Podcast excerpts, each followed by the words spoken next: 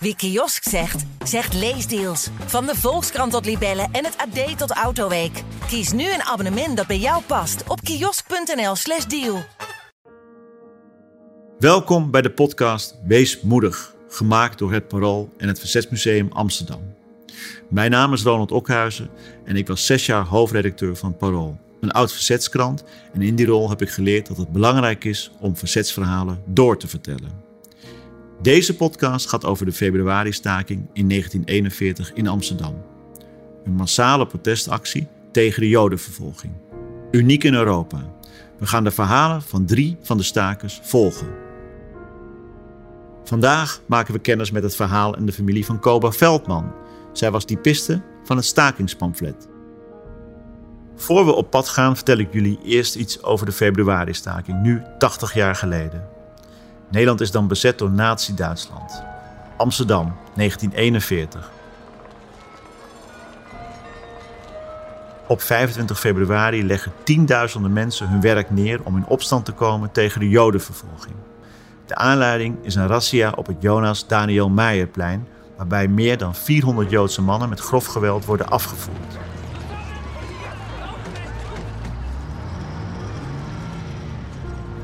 Vele verontwaardigde mensen gaan door de straten van Amsterdam en ook buiten de stadsgrenzen wordt gestaakt. De februari-staking gaat de geschiedenisboeken in als de enige massale en openlijke protestactie tegen de Jodenvervolging in Europa. Een historisch moment voor solidariteit, maar tegen welke prijs? De Joden zijn er niet door gered en sommige betrokkenen zijn zwaar gestraft. Koba werkt als typiste bij de communistische krant. Ze is lid van de CPN en ze is daarom aanwezig bij de vergadering op de Noordermarkt, de avond voorafgaand aan de februari-staking. Honderden arbeiders stonden s'avonds op de Noordermarkt. Een van mijn partijgenoten kwam me vragen een manifest te maken voor de remises Lekstraat en Pankrasstraat. Stencils, papier, schrijfmachine en stencilmachine had ik al in huis. Dus meteen aan de slag. Die nacht typt Koba, net als enkele anderen, de stakingsoproep. Ze schrijft: Staakt, staakt, staakt. Leg het gehele Amsterdamse bedrijfsleven een dag plat. Dan zal de Duitse bezetting moeten inbinden. Wees moedig.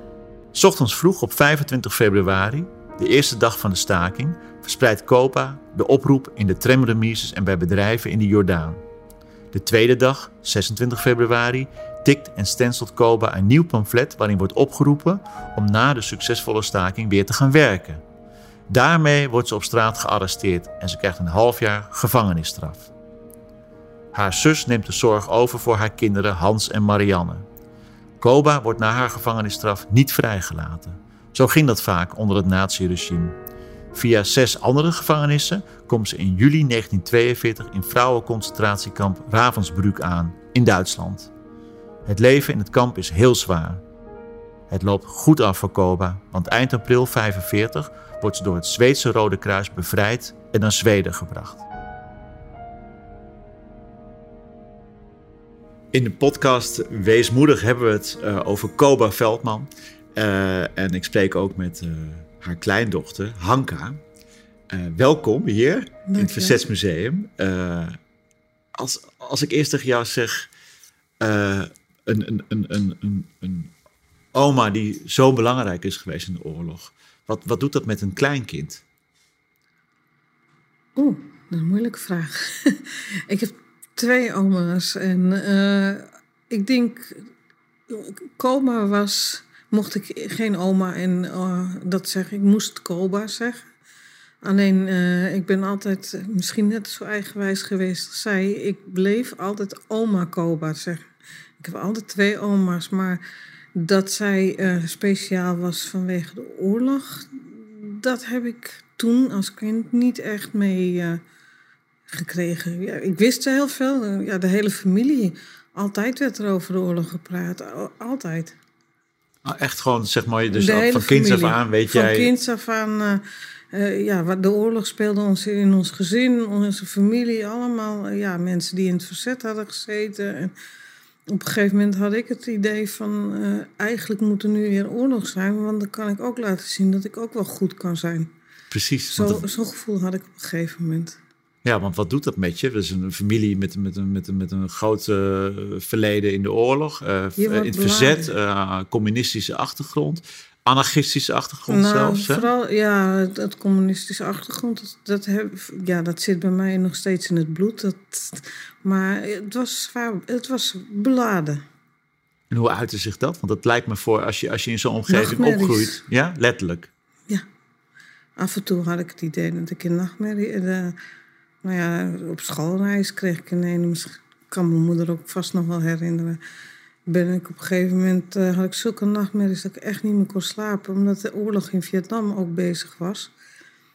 En ja, oorlog speelde heel veel. En ik had net geleerd wat kinderkopjes waren, die steentjes. Dus ik had nachtmerries dat allemaal Vietnamese kindertjes over de grond lagen... en dat ik daar middenin was. Ja, dat is nou niet bepaald... Uh, dat klinkt niet als een onbezorgde jeugd eigenlijk. Nou, nee, dit, dit was echt... Uh, ja, oorlog was gewoon, ja, altijd. Uh, jij, uh, jij, mensen zeggen dat jij ook heel erg op je... op oma Koba lijkt, hè? ja, is nou dat zo? Is dat, uiterlijk. Ja, uiterlijk. Ja, ja. En, En is dat dat is zo? En, is dat iets wat je leuk vindt? Dan denk je, goh, ik wil ook gewoon wel. Heb je een periode gehad dat je is dacht, ik wil mijn eigen leven hebben, Ja, zeg maar. Het is van jongs af aan al tegen mij gezegd. Van klein kobaatje en klein kobaatje. En ja, ik wist niet of ik trots moest zijn of niet. Ieder, ja, heel veel mensen hadden een hekel aan Koba. Iedereen was voor Koba een scheidhuis. Dat was haar standaardwoord. Scheidhuis. Scheidhuis. Alles en iedereen was een scheidhuis. Als kinderen op zag vechten, dan eh, ging ze kinderen uit elkaar halen. Meestal de grootste, die kreeg dan de schuld. En eh, ja, dat soort dingen allemaal. Terwijl ze helemaal niet wist wat er aan de hand was. Dus het was iemand die zich, die zich snel met anderen bemoeide. Ja. En ook, eh, ja, nou, heel veel mensen praten niet fijn over haar. Als over Ko- in die tijd. Achteraf in ene wel, maar in die tijd sprak niet iedereen even vriendelijk over. En dat heeft natuurlijk ook te maken met dat mensen toen misschien niet wisten. En er is ook een tijd geweest dat de oorlog wat naar de achtergrond werd gedrukt. Want het land moest weer worden opgebouwd. Dus dan had je al die moeilijke verhalen, hadden mensen geen zin in. Ja. nu weer wat meer ruimte en ook eh, voor Ja. en behoefte aan. Maar als mensen dat niet weten en eh, iemand is lastig of heel principieel en daardoor eh, zeg maar Ja. buigt niet mee. Dan, dan, dan, is dat, dan is dat ingewikkeld. Maar voor jou was het een oma. Dus ja, jij wilde mijn waarschijnlijk. oma en dan moest je afblijven. Ja. ja, maar was, heb jij, was ze ook een oma voor jou? Ehm, niet qua knuffelen, maar daar had ik mijn andere oma voor. En eh, ja, zij ging met ons naar de bioscoop of eh, naar de wandelen in het park of in het bos. Of, maar vooral bioscopen gingen we vaak naartoe.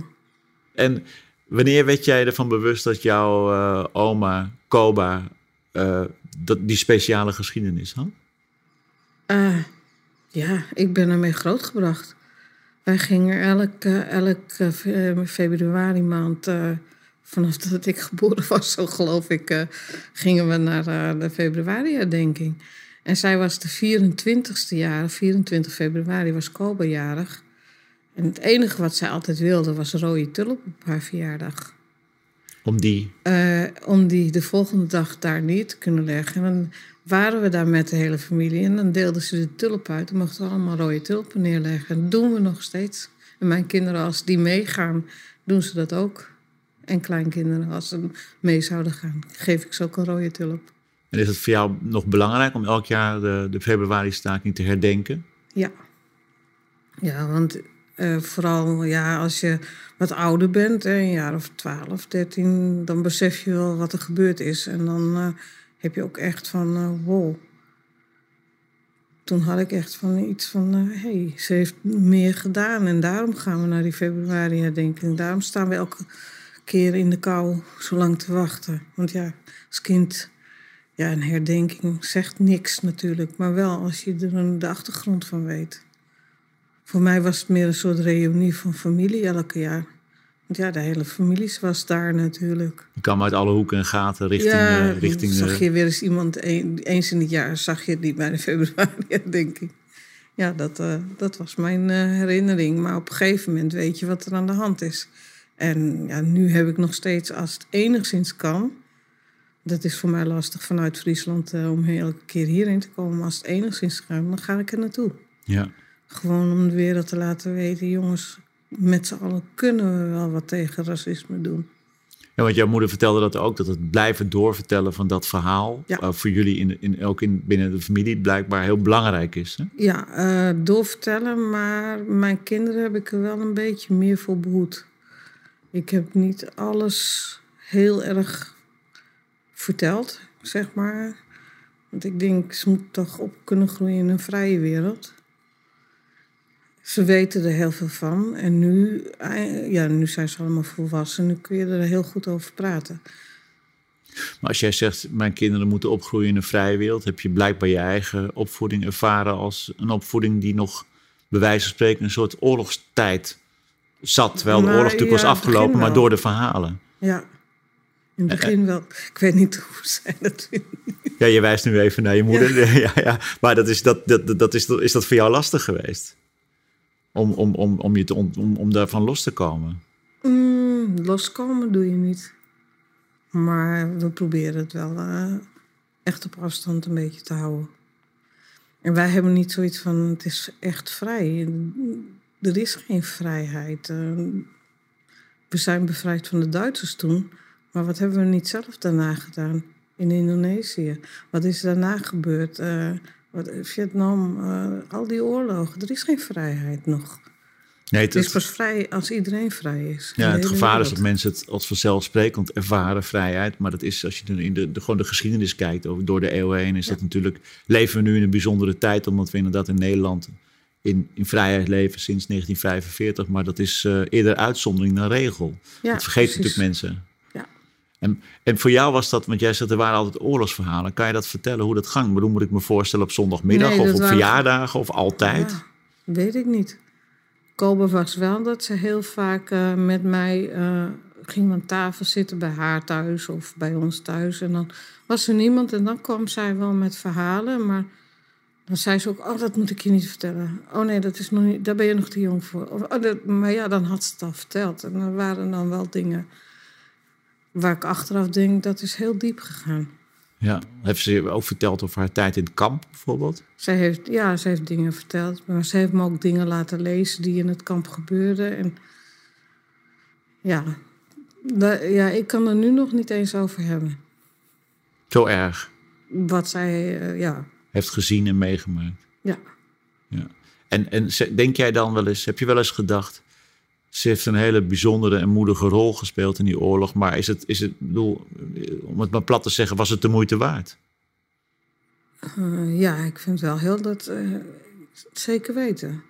Want ik ben wel heel, heel erg trots op haar. Niet alleen op wat ze gedaan heeft, maar wat er ook gebeurd is. Want ja, een klein onderdeel, mijn voornaam.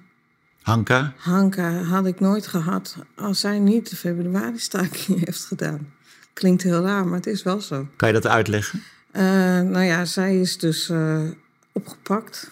En toen ze opgepakt was, is ze uiteindelijk na een heleboel gevangenissen uh, in Ravensbrück terechtgekomen. En in Ravensbrück heeft ze zich dus gered door naar een ziekenboeg te gaan. En in die ziekenboeg werkte een toevallige journalist, zogenaamd als verpleegkundige. Die had weer een vriendin, die was arts. En zo is zij in die ziekenboeg gekomen. En die vrouw die heette Hanka. En die heeft uh, haar eigenlijk uh, toen het leven gered, toen ze uh, daar tyfus kreeg. En zij heeft daar een paar echte leven gered. En ook een paar keer heeft ze er gewenkt op momenten dat ze bijna weggestuurd werd. Van kom hier, hier durven de Duitsers toch niet te komen. Ja, ik spreek over Duitsers. Ja, ja. Het mof gebruik ik niet zo snel. Nee, nee. Nee, en, en, en, en Hanka is dus eigenlijk haar uh, reddende engel geweest, zoals iedereen die in het leven misschien wel nodig heeft. En dat is ook een, een vriendin geworden?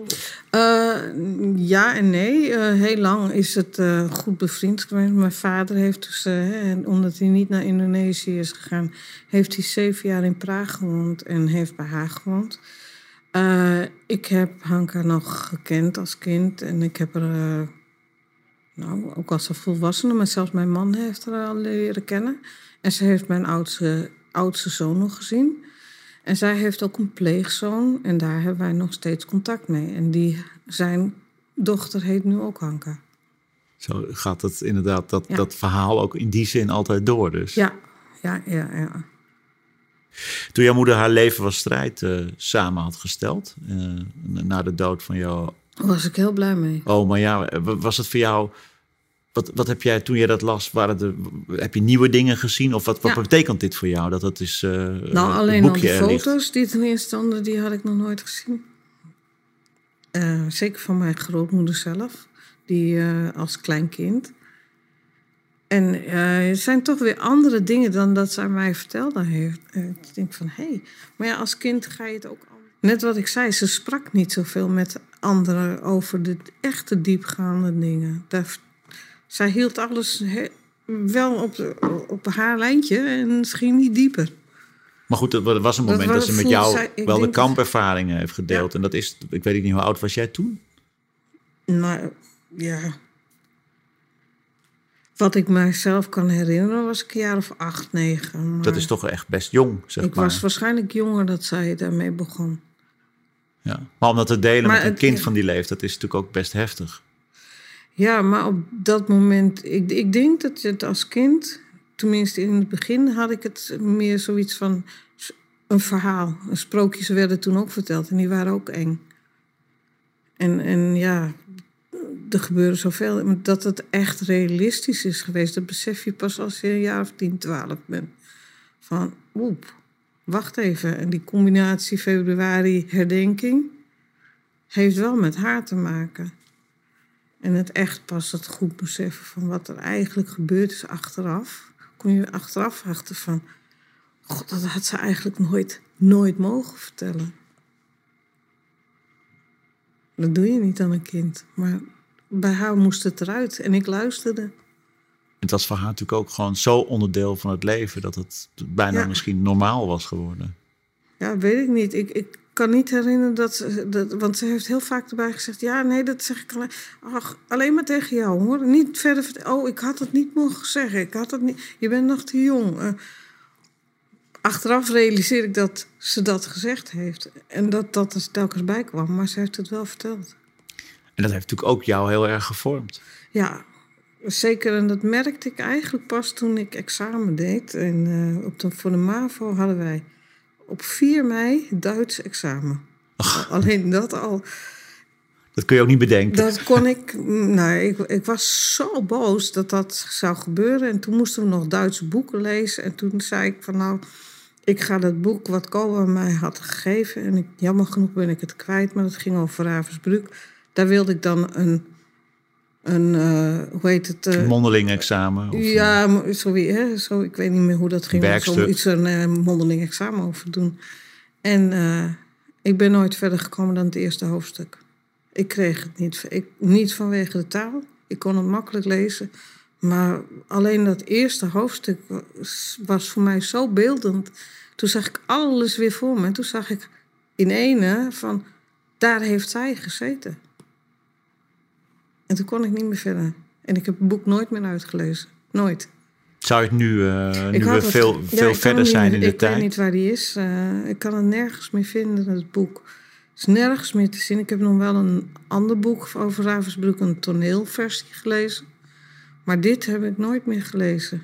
Het begon echt... eh, ja, het is echt verschrikkelijk. Het ging over een zigeunermeisje. Ze gingen op, op weg naar het werk vanuit Ravensbrück. En eh, dat zigeunermeisje zakte in elkaar. En toen hebben de, de Duitsers daar hun honden op afgestuurd. Die hebben dat meisje eerst verkracht en daarna doodgebeten. Nou ja, toen was het voor mij klaar. Ja, Toen kon ik niet meer verder. nee, dat is wel genoeg ook. Ja, zeker. Maar dat soort dingen moet je wel aan denken, wat zij mij vertelde. En heb jij, heb jij later, zeg maar, eh, meer nu, hè, in deze tijd, nu we eh, 80 jaar na de februari-staking eh, zijn beland, eh, behoefte om toch weer meer van die verhalen in te vullen? Of heb je nog steeds, zeg maar, een soort beschermingsmechanisme? Omdat het ook over jouw familie gaat, je naaste familie. Nee, ik hoef er niet meer over te weten dan dat ik weet. Maar wat ik wel heel belangrijk is, is om door te geven. een van de belangrijkste dingen die, ja, mede van Koba, maar ook van mijn ouders en van de familie, zeg maar. Het, het maakt niet uit hoe, wie je bent, hoe je eruit ziet, wat voor kleur. Ik zie ook geen, ja, ik ben niet kleurenblind, maar ik zie niet. Mijn beste vriendin is, is hartstikke zwart. Ja, oké, iemand heeft dat gezegd, maar dat zie ik niet. Ik kijk niet naar de, wat, hoe iemand eruit ziet, maar hoe iemand is. En dat heb ik geleerd. En dat heb ik mede van haar geleerd, net wat ik zeg, maar ook van de hele familie. En dat kwam omdat ik ooit eens een programma gezien heb, ook toen ik een jaar of tien, twaalf was. En dat ging dan, uh, hadden ze een uh, Duitse kambeul ergens gevonden, opgepakt. En toen dacht ik, is dat een kambeul? Dat is net een heel liefaardig oud opaatje. Zo zag het. En toen dacht ik van, nou snap ik. Nooit naar de buitenkant kijken. Altijd kijken naar hoe iemand is. En dat, dat is, zit helemaal diep in mij. En dat heb ik ook mijn kinderen uh, meegegeven. Ik heb een schoonzoon die uit Sierra Leone komt. En mijn kinderen, twee ouders, komen uit Colombia. Allemaal kleurtjes. Het is altijd gezellig. Ja, ja. Dus inderdaad. Maar dat heeft wel weer positieve kanten van dat. En dat blijf ik zo houden. Ja, dus dat, dat heeft jou een hele open en uh, grondhouding gegeven. Dat je dat kijkt naar mensen van in wat je zegt, hoe ze zijn en niet uh, wat hun achtergrond is of waar ze vandaan komen. Nee, dat uh, maakt niet uit hoe, wat, hoe ze eruit zien, gehandicapt of, of dat ze man of vrouw vallen. Maakt ja. me helemaal niks uit. Het gaat om wie je bent en wat jij doet en niet wat, wat de buitenkant jou vertelt. En dat is ook iets wat je wel van je, dus ook van je, van je oma Koba hebt meegekregen. Want die was dan weliswaar streng en heel principieel en heel rechtlijnig. En bemoeide ja. zich weliswaar met veel mensen. Maar die was denk ik wel dan van die school. Van het gaat om wie je bent. Ja, nou mede, dat zeg ik net. Het is ja. niet alleen van nee, het is het van de hele, hele familie. Het is de hele familie. Zo zit onze hele familie in elkaar. Tenminste, de meeste van de familie. En, en, en heb jij, denk jij dat haar karakter, dat rechtlijnige, is dat een gevolg of ook een erfenis uit die oorlogstijd, waarin mensen natuurlijk heel erg uh, op hun hoede moesten zijn en waar het, ja, als iemand, uh, uh, dat je principes moest volgen en, en ook moest opletten of mensen niet verraders waren of verklikkers, nee. of zat het al, zit, ja. zit het bij haar gewoon, heeft dat er altijd in gezeten? niet, ik weet niet of het altijd erin heeft gezeten, maar ik weet dat de losse handen van de vader wel degelijk heel veel invloed, want daar heeft ze ook heel veel over verteld. Ja, dus want zij komt uit een ja. gezin waarin haar vader. Uh, denk... En waar ze heel boos over was, waar, waar die vrouwenstrijd waarschijnlijk ook een beetje vandaan kwam. Is want ze was eigenlijk een hele jonge bommoeder, hè? Kun je ja, met gekkigheid nu zeggen? Dat was alweer later, maar ja. als kind, vertel, ze had verteld, van de, dat heeft ze ook uh, wel eens vaker verteld, zou ze naar het zwembad. En dat mag niet. Meisjes mogen niet in het zwembad. Waarom niet? Er waren halve deurtjes. En dan mogen ze, kunnen zich niet verkleden. En dus gingen een paar meiden stiekem. En zij ging dus ook stiekem zwemmen. Want waarom mag, mag, mogen haar broers wel en zij niet? Dus zij uh, was daar geweest. Nou ja, toen heeft ze weer alle hoeken van de kamer gezien natuurlijk. Want dat mag niet. Een meisje mag dat niet. En ik denk, dat zat toen in van... Ja, waarom mag een vrouw dat niet? Ja, een heel diep geworteld rechtvaardigheidsgevoel ja. eigenlijk.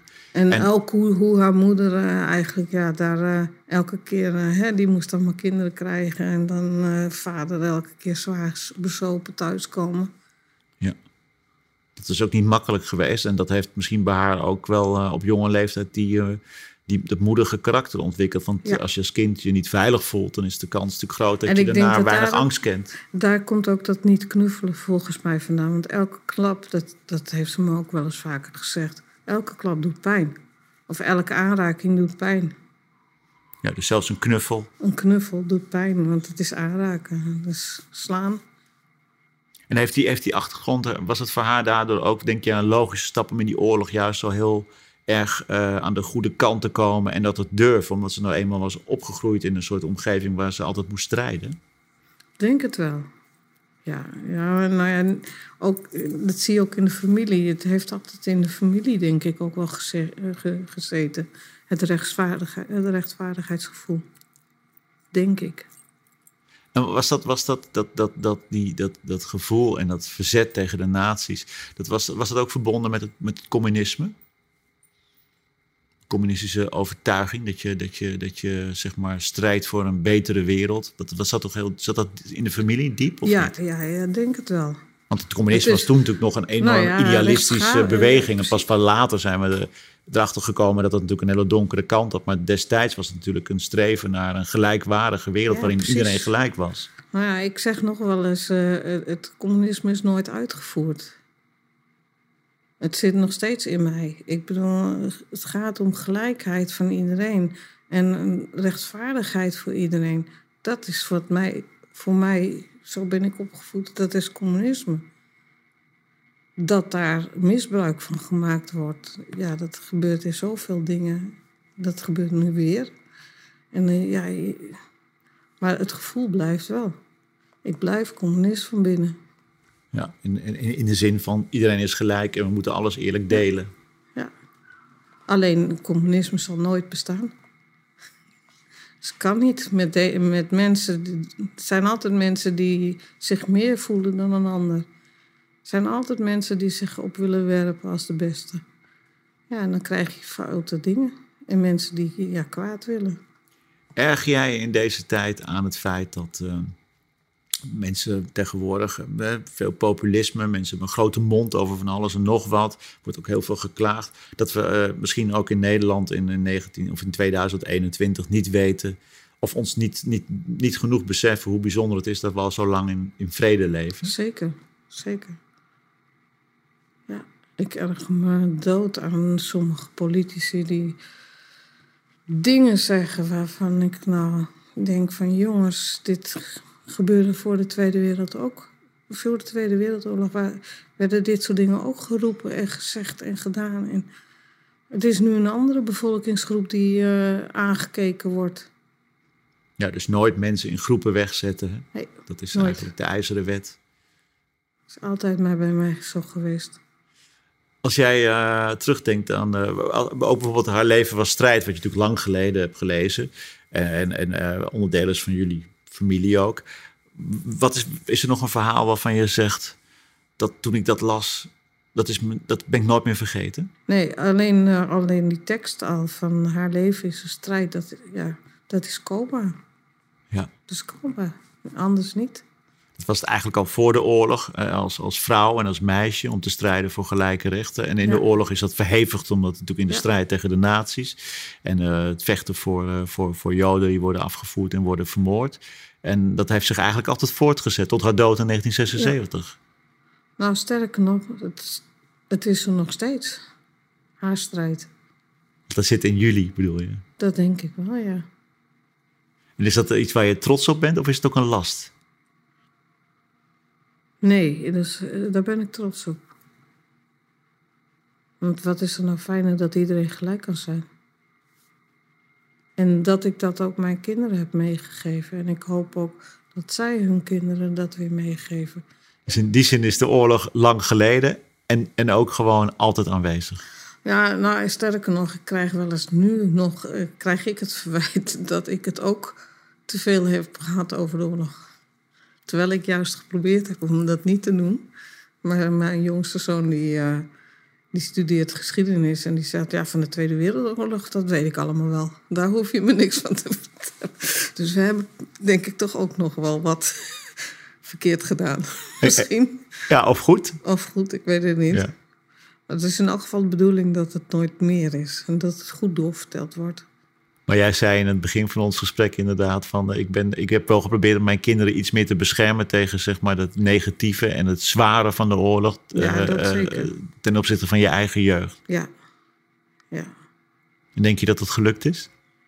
Nou ja, ik kreeg dus dit verwijt terug. Dus ik hoop het een beetje. Ze in elk geval niet al die narigheid, echt die hele nare dingen, nee, die hebben ze niet meegekregen. Mijn laatste vraag is, eh, als, we, als ik als buitenstaander het levensloop ziet van, van, van die familie en ook van, van Koba, dan kijk ik natuurlijk echt er tegenaan als iemand die als een, een heel moedig en als een held zich in die oorlog heeft gedragen. Voor naast de familie is het natuurlijk anders. Het is gewoon je oma geweest ook. Maar hoe, eh, hoe kijk jij op haar terug? Ja, ik ben trots op haar. Wat ze daar gedaan heeft. En daarbij denk ik ook dat ik het toch anders gedaan had. Je had het anders gedaan. Ja, Ik zou mijn kinderen niet alleen laten. Nee. Dat kan ik niet. Maar zelfs zo'n afspraak zou ik denk ik niet kunnen. Nee. En ik weet ook dat het voor mijn vader en ook voor mijn tante niet goed is geweest aan één kant. Maar aan de andere kant hebben ze het wel fijn gehad bij die zus van mijn oma. Daar, daar hadden ze wel een echte moeder aan. En als jij weet dat, uh, dat, dat bijvoorbeeld jouw vader uh, ook daar echt last van heeft gehad, dat, dat, hè, van de keuze van, van je oma om, om ja, die strijd aan te gaan, maar haar kinderen dus te moeten achterlaten voor een bepaalde periode. Vind je het dan nog de moeite waard wat ze heeft gedaan? Ja, ja, dat wel. Dus ja, de vrijheidsstrijd is groter dan het persoonlijk geluk. Ik denk het misschien soms. Maar net wat ik zeg, het is een persoonlijke keuze. Ik zou denk ik de keuze niet zo minder snel gemaakt hebben. Nu zou ik zeggen, ja, nu doe ik het ook. Maar ja, mijn kinderen wonen niet meer thuis en zijn niet meer afhankelijk van mij. Maar toen mijn kinderen klein waren, nee. Dankjewel voor dit mooie gesprek. En jij bedankt voor het luisteren naar de podcast Weesmoedig. Meer weten? Bezoek de tentoonstelling Weesmoedig in het Verzetsmuseum Amsterdam. Nog te zien tot in de zomer van 2021. Kijk voor meer informatie op verzetsmuseum.org.